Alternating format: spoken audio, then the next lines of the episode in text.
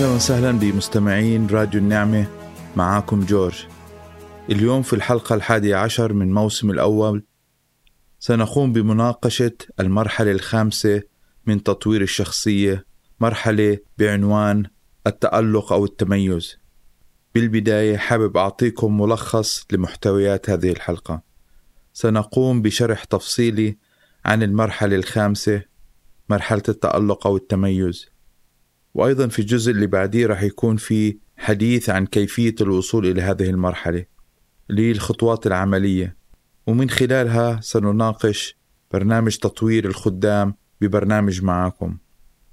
وأيضا في النهاية سأشارككم باختبار شخصي للوصول إلى هذه المرحلة من تطور الشخصية.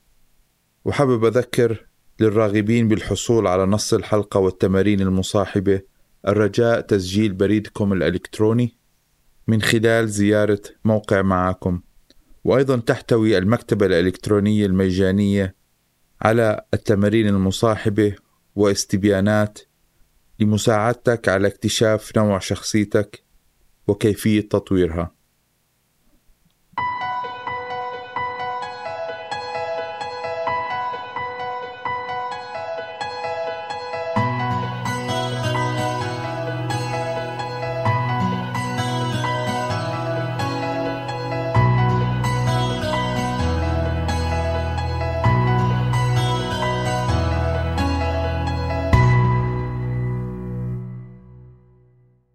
أهلا وسهلا فيكم مرة أخرى في هذه الحلقة. حابب بالبداية أتحدث عن فكرة المرحلة الخامسة من تطوير الشخصية. حابب أشبه هذه المرحلة بعدسة زجاجية اللي بيتم من خلالها التحكم بأشعة الشمس لصناعة أو إذرام أو إشعال نار. هذا التشبيه بيمثل هذه المرحلة حين يتم تجميع الأشعة تجميع الخبرات إن كانت خبرات عملية أو نضوج شخصي اللي هي تحدثنا عنها بالمرحلة الثالثة لاكتساب الخبرة العملية أو بالمرحلة الرابعة للنضوج الشخصي. تتجمع كل هاي المواهب كل هاي الطاقات كل هاي الأشعة بنقطة محددة لإضرام أو إشعال شيء إيجابي اللي ينتج عنها الإبداع أو الإنتاج صناعة إرث أو ترك أثر عميق بحياة الناس اللي في حياتك بمجتمعك بأسرتك. أيضا لشرح هذه المرحلة حابب أستخدم بعض الكلمات اللي تم تعبير عنها باللغة الإنجليزية بكلمة convergence. وهاي الكلمة تحتوي لعدة معاني منها التقارب أي التقريب ما بين الأمور وجعلها أكثر تركيزا. تخيل أنه في خطين مستقيمين غير متوازيين. في لحظة من اللحظات في يوم من الأيام رح يتقاطعوا. هي نفس الشيء إن كانت المرحلة الثالثة من مراحل التطور اللي هي الخبرة العملية اللي بتكتسبها من خلال الوقت أو المرحلة اللي بعدها مرحلة النضوج الشخصي بعد ما قدرت تميز وتحلل الخبرات والمعرفة اللي اكتسبتها. بتصير الأمور فيها أوضح بالنسبة لإلك. تتعرف على مواهبك الشخصية على الأمور اللي هي بتكون مصدر راحة لإلك مصدر متعة لإلك مصدر امتلاء لإلك اللي هي بتمثل المرحلة الخامسة من نمو الشخصية. مرحلة التعرف على الدور أو المهمات اللي بتحب تقوم فيها في حياتك حتى تترك أثر في مجتمعك اللي هي مرحلة التألق أو التميز أو الإنتاج العالي. كلمة تانية اللي بتمثل عن هاي الفكرة اللي هي الاجتماع للتعاون لتجميع الطاقات إن كانت مواهب أو مصادر لإنتاج عمل ما. أو لإنجاز مهمة ما. الكلمة الثالثة اللي هي الالتقاء أو التجمع أو التوجه بشكل جماعي إلى نقطة تجمع ما. كمان مصطلح تخصصية إنه في هاي المرحلة تكتشف إيش اللي حابب تتخصص فيه إيش اللي أنت موهوب فيه. طبعا زي ما ذكرت بالمراحل السابقة أنه الشخص ما بيكون عنده موهبة وحدة بالعكس بيكون عنده عدة مواهب منها ما هو الرئيسي ومنها ما هو الفرعي. هي عبارة عن مزيج أو خليط أو خلطة إذا صح التعبير. خلطة من المواهب مميزة فيك أنك كيف تستخدمها. إيش النكهة تعطيها يتم التركيز عليها. والتخلص من الأمور أو الوظائف التي لا تناسبك لا تناسب شخصيتك. بمعنى آخر تتخصص بالأمور اللي أنت مميز فيها وبتبعد عن أي وظائف أي أمور تانية اللي ممكن تشتتك أو تكون مصدر إزعاج لإلك. في هاي المرحلة الله يوجه الشخص إلى مكان خاص فيه حتى يكون هناك أفضل النتائج الخارجية وأيضا أفضل النتائج الداخلية من شعور بالامتلاء والسلام الداخلي. مرات كثيرة في هاي الحياة بنضطر بسبب موقعنا بسبب مسؤولياتنا أن نقوم بأعمال ما بتناسب شخصيتنا أو مواهبنا. بتكون هاي الوظائف أو الأمور مصدر إحباط مصدر إزعاج مصدر هم أو قلق بتسبب لنا إحباط. بس لازم نقوم فيها لأنها جزء من وظيفتنا جزء من مسؤولياتنا من دورنا في هاي الوظيفة. في هاي المرحلة الخامسة بكون عندنا الحرية والاستقلالية للتخلص من هاي الأمور اللي ممكن تكون مزعجة أو مضيعة للوقت. ممكن بديت تفكر بينك وبين نفسك يا ريت نصل لهاي المرحلة.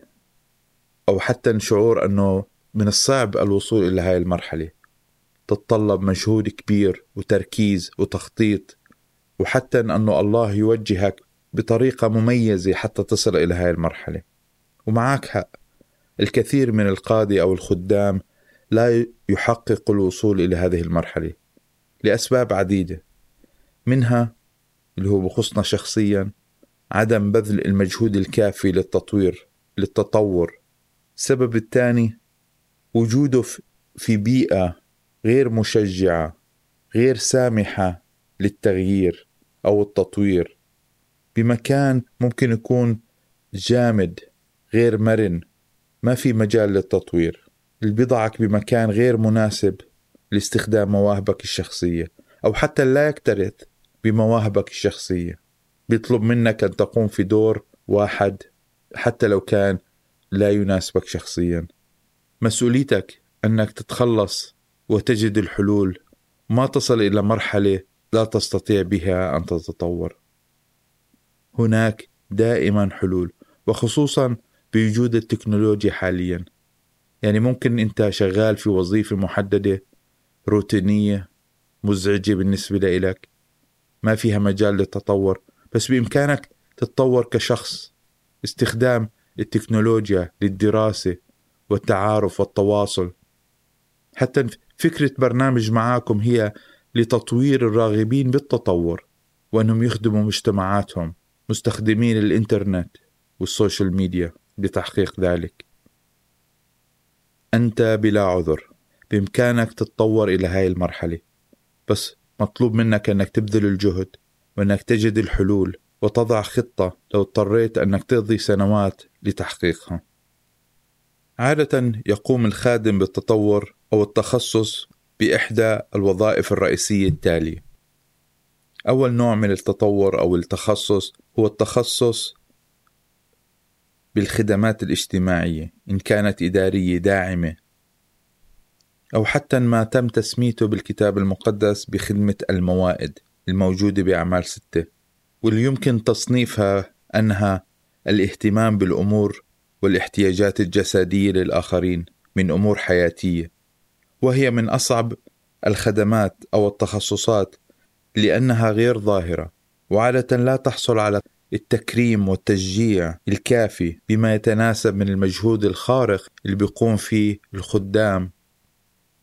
الكتاب المقدس يتحدث بكل وضوح عن عن هذه الخدمة اللي هي وظيفة الشماس. في ثلاث صفات رئيسية وضعها الكتاب المقدس للراغبين بالتخصص في هذه الخدمة. باعتقادي هاي الصفات تنطبق ليس فقط على الخدمات الاجتماعية أو حتى وظيفة الشماس في الكنيسة صفة أنه يكون مشهودا لهم مملوئين من الروح القدس والحكمة. هاي الصفات الثلاثة مش بس بتخص الأشخاص اللي حابين يتخصصوا بخدمة الخدمات الاجتماعية أو الخدمات الإدارية بل هي بتخص كل أنواع الخدام مشهودا لهم يعني من ثمارهم تعرفونهم. الأمين في القليل يكون أمينا في الكثير. وهي بتتطلب وقت تتطلب أمانة تتطلب التزام مع النفس ومع الآخرين.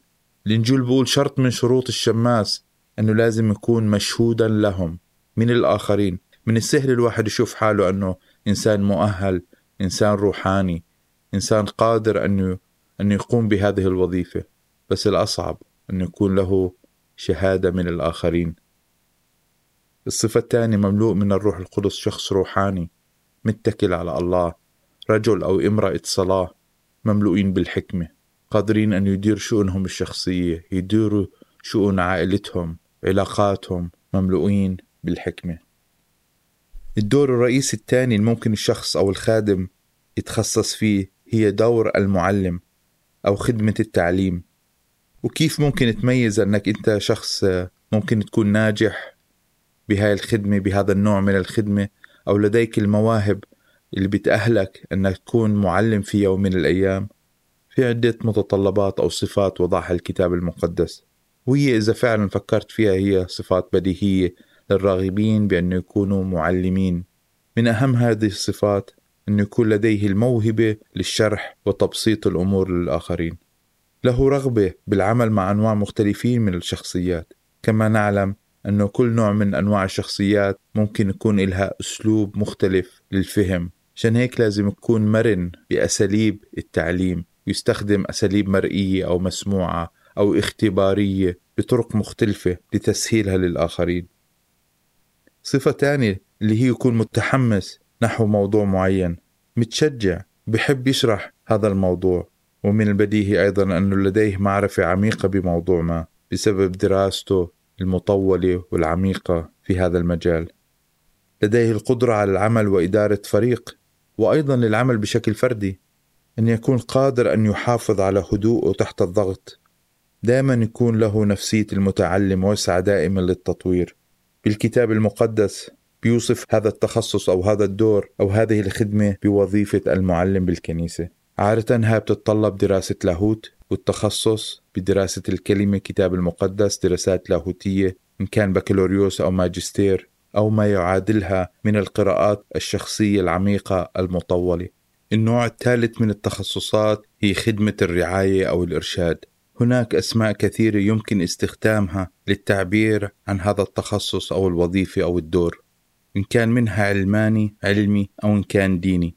هذه المصطلحات المترادفة تعبر عن نفس الوظيفة منها وظيفة المشير وظيفة الموجه أو الراعي. الكتاب المقدس بسميها الشيخ المتلمذ المدرب كوتش أو المرشد أو المشرف. كل هذه المصطلحات بتعبر عن نفس الفكرة أو الوظيفة أو التخصص أو الدور اللي ممكن واحد يتخصص فيه.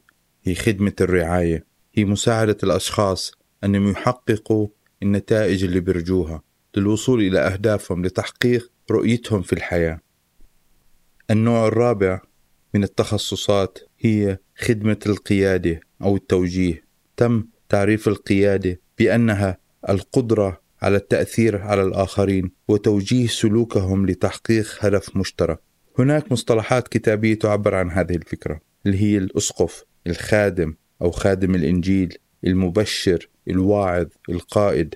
هناك بعض الملاحظات العامة اللي بتخص هذا الدور أو الوظيفة أو التخصص. يجب على هذا الشخص اللي بيرغب بأنه يكون قائد أو موجه يتخصص بتوجيه الآخرين أن يكون له رسالة واضحة يكون متحمس وعنده غيرة لهذه الفكرة لهذا المفهوم اللي بيدعو الناس له يكون مملوء بالنشاط والحيوية وعادة بيكون هو صغير بالسن بالمقارنة مع المعلمين أو الشيوخ.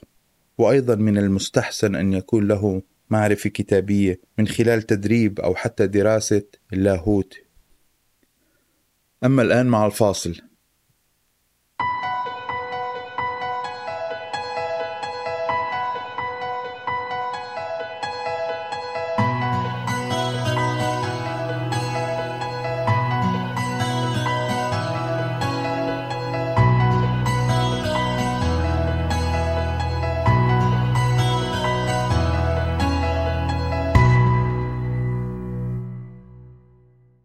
أهلا وسهلا بكم مرة أخرى.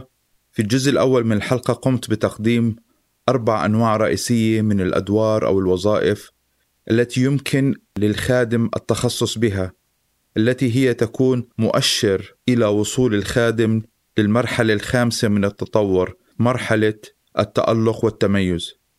زي ما شرحت بالسابق أنه هدف برنامج معاكم كهيئة أن نؤهل الراغبين بالخدمة وبناء مجتمعهم أنهم يصلوا إلى مرحلة الخامسة التخصص ويكون لديهم تأثير كبير على مجتمعهم. وحابب أعطي لمحة سريعة مختصرة عن كيفية عمل برنامج معاكم أو بمعنى آخر التسلسل للتدريب والتأهيل. في البداية سيتم تنفيذ هذا البرنامج التدريبي على مراحل. المرحلة الأولى اللي هي دورة معاكم نحو الحياة الأفضل اللي هي بتمثل الموسم الأول. الملفات الصوتية هي كانت الجزء الأول من من الدورة سيكون هناك جزء ثاني مواد يجب قراءتها أسئلة يجب الإجابة عليها حتى تتم هاي الدورة بنجاح من خلال هاي الدورة سنجيب على ثلاثة أسئلة رئيسية من أين أتيت؟ إلى أين تريد أن تذهب؟ من هو المرشد أو الكوتش الذي سيساعدك على الوصول إلى الهدف؟ من خلال هذه الدورة سيتم تحديد المهمة، الرؤية والأهداف وسيتم أيضا تحديد الدور. ما هو دورك؟ بناء على مواهبك للوصول إلى هذه الأهداف. وفي النهاية وضع خطة عملية تفصيلية لتحقيق الأهداف. في المرحلة اللي بعدها راح يكون مرحلة التعرف على خليط المواهب الشخصية. من خلال استبيان اللي راح يقوم فيه المشترك المتدرب اللي راح يساعده على اكتشاف مواهبه الرئيسية والفرعية. وأيضا سيكون هناك مقابلة شخصية إن كان عبر السكايب أو وجها لوجه. لما نزور مناطق بالشرق الأوسط. بعد ما يتم تحديد المهمة والأهداف واكتشاف خليط المواهب سيكون هناك فرصة للمشترك أو المتدرب أن يختار تخصص بناء على مواهبه وأهدافه الشخصية. وأيضا جزء رئيسي من البرنامج التدريبي هو تقديم مشروع تخرج.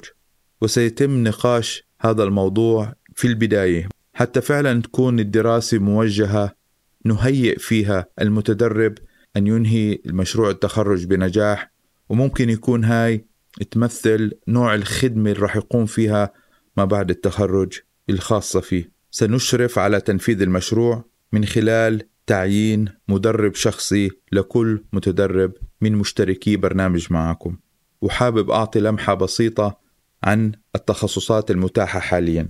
راح يكون هناك تخصص استخدام الميديا. زي ما أنتم عارفين الميديا وخصوصا برامج التواصل الاجتماعي هي أصبحت جزء أساسي من حياتنا اليومية.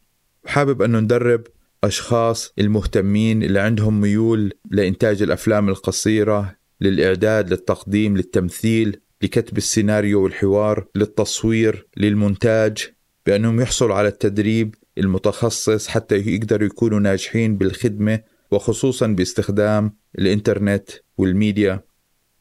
وهذا التخصص بالذات سيكون تركيزنا في السنوات القادمة حتى نؤسس فريق العمل للتمكن بنجاح من إدارة برنامج معكم. التخصص الثاني أيضا ندرب قادة لخدمة الشباب. التخصص الثالث اللي هو الرعاية والمتابعة اللي هو تخصصنا الأكاديمي الشخصي.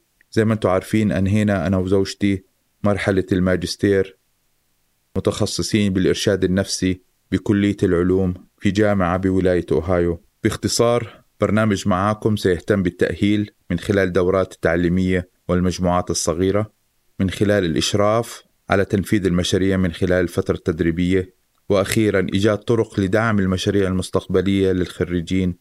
مساعدتهم على حسب الموارد المتاحة أنهم يكونوا ناجحين تخصصاتهم الجديدة على حسب مواهبهم. وبنأمل وبنصلي أنه ينتج عن هذا التدريب خدمات جديدة أو تدعيم الخدمات القائمة حسب التخصصات اللي بتناسب مواهبهم للوصول إلى أكبر تأثير ممكن في حياتهم الشخصية وبناء مجتمعاتهم. حابب أشارككم باختباري الشخصي. وإن شاء الله يكون مصدر تعزية وتشجيع لإلكم. باعتقادي أني بدأت في هاي المرحلة من حياتي بدخول المرحلة الخامسة من التطور كخادم. بس حابب أشارككم كيف وصلت لهاي المرحلة. خلال سنوات خدمتي كخادم للإنجيل خلال ال 15 سنة اللي اللي فاتوا وخصوصا عندما كنت بالسودان بخدم بكنيسة محلية بال 2006 وال 2007 شعرت بالاحتياج للتغيير وإعادة النظر بما يجري بحياتي الشخصية. في هذيك المرحلة بعد خدمة 15 سنة شعرت أنه لدي الخبرة الكافية بأمور الخدمة التقليدية. كنت أمتلك ما يمكنني من النجاح ولكن كنت شارع بالعزلة. ما كان عندي امتلاء. الممكن أن هاي على حسب شرحنا للتطور الشخصي ممكن هاي بتمثل الدورة المرحلة الثالثة اللي هي وجود خبرة عملية. وهذا الشعور بالعزلة حثني على أني أبحث عن حلول وأتساءل عن ما هي الخطة للمستقبل. وبديت أنظر إلى الصورة بشكل موضوعي وأحاول أن أفهم الأمور بشكل أعمق. وبعد عدة سنوات من التفكير والصلاة بال 2009 قررت أنا وزوجتي بأن نأخذ الوقت الشخصي لتطوير الذات والقيام بدراسة أعمق للكتاب المقدس وخصوصا التخصص بخدمة الإرشاد. كان التخصص العلمي المتاح لإلنا بالجامعة الخاصة اللي انتسبنا لإلها. أمور كثيرة دارت في حياتنا اللي وصلتنا إلى هاي المرحلة وحابب أذكر منها أنه كيف ببداية التسعينات كيف مرقت بامتحانات لامتحان إيماني طاعتي أمانتي مع الله أمانتي مع نفسي وأمانتي مع الآخرين وكيف أيضا مرقت امتحان الخضوع الخضوع للقيادة الروحية. بعد ما اجتزت هذه الامتحانات وتعلمت دروس كتير منها. قادني هذا الموضوع إلى الدخول في الخدمة اللي هي التفرغ الكامل لخدمة الإنجيل في سنة ال 96 بعد التفرغ انطلب مني الذهاب إلى حلب في سوريا لأدعم الفريق اللي كان موجود هناك بالخدمة. كان دائما عندي رغبة بالتطور والتدريب وتطوير العلاقات والبحث عن متلمذين في حياتي حتى أتعلم منهم. وبالفعل مع مرور الوقت تطورت خبرتي بالخدمة وقدرتي على التمييز والحكم على الأمور. وبدأت باكتشاف موهبتي كمعلم. كان عندي دائما رغبة بتدريس الكتاب المقدس وشرحه بأكثر تفصيل. وكان هذا مصدر متعة لإلي وكنت ناجح فيه. وهذا كان مؤشر كافي لإلي أني أعرف أنه موهبتي هي موهبة تعليم وأيضا كان عندي رغبة بأني أكون موجود بحياة الآخرين وخصوصا فئة الشباب حتى أساعدهم أن يعيشوا حياة مثمرة موجهة نحو الحياة الأفضل. واللي أظهر لي أنه كمان عندي موهبة الإرشاد والتوجيه والرعاية. كنت دائما أشعر بالاحتياج إلى الدراسة أعمق للكتاب المقدس. كنت أطمح بأن أدرس بكلية لاهوت وأني أتخصص كمعلم. كنت دائما أبحث عن دورات وحتى انسجلت بجامعة بلبنان لما كنت مقيم بسوريا. كنت كل يوم اثنين أطلع من دمشق تقريبا ثلاث ساعات حتى أصل إلى جامعة اللاهوت في لبنان. وأقضي هناك أربع ساعات بالمحاضرة ثم أسوق مرة تانية وأرجع إلى الشام قبل منتصف الليل لبيتي عند زوجتي. وبعد سنوات عديدة من الخدمة والتنقل إلى بلاد عربية عديدة كان منها سوريا أو العراق أو مصر أو السودان أو حتى عدد من المدن بالأردن تكونت عندي النظرة للأمور وفلسفة شخصية لكيفية قيادة شؤون الكنيسة. وهاي الفلسفة الشخصية ما كانت دائما تنسجم تماما مع فلسفة الآخرين إن كان فريق محلي أو حتى المسؤولين عني مما أوجد تحدي تحدي الخضوع والتواضع وكيفية إدارة النزاعات إن كانت داخلية مع النفس أو خارجية. وباعتقادي كان عندي النضوج الروحي الكافي لعدم الاستسلام لهذه النزاعات والفهم أن نزاعنا ليس مع لحم ودم بل هناك حرب روحية لإعاقة الخدمة. رغم التحديات ثبتنا وما استسلمنا. وبعد وجود هذه الضغوط لعدة سنوات كان يجب علينا أخذ قرار والتفكير بخطة طويلة الأمد حتى لا نخسر قلوبنا للخدمة ونفشل بعمل الخير. كانت هذه النزاعات والتحديات مصدر للشعور بالوحدة والعزلة بس كمان كانت وقت للتفكير والصلاة وفرصة للنظور إلى الأمور بشكل موضوعي طويل الأمد. كان عندي إيمان بأن الله لدي خطة شخصية لحياتي ولعائلتي. وكان عندي الإيمان والثقة بأن الله أعطاني الخيار وأنه سيكون معي إن وضعته أولا. رغم شعوري بالعزلة والوحدة في هذيك اللحظات كان على قلبنا ولا يزال أن نكون فعالين بالخدمة ونترك أثر طيب أثر أبدي بحياة الآخرين.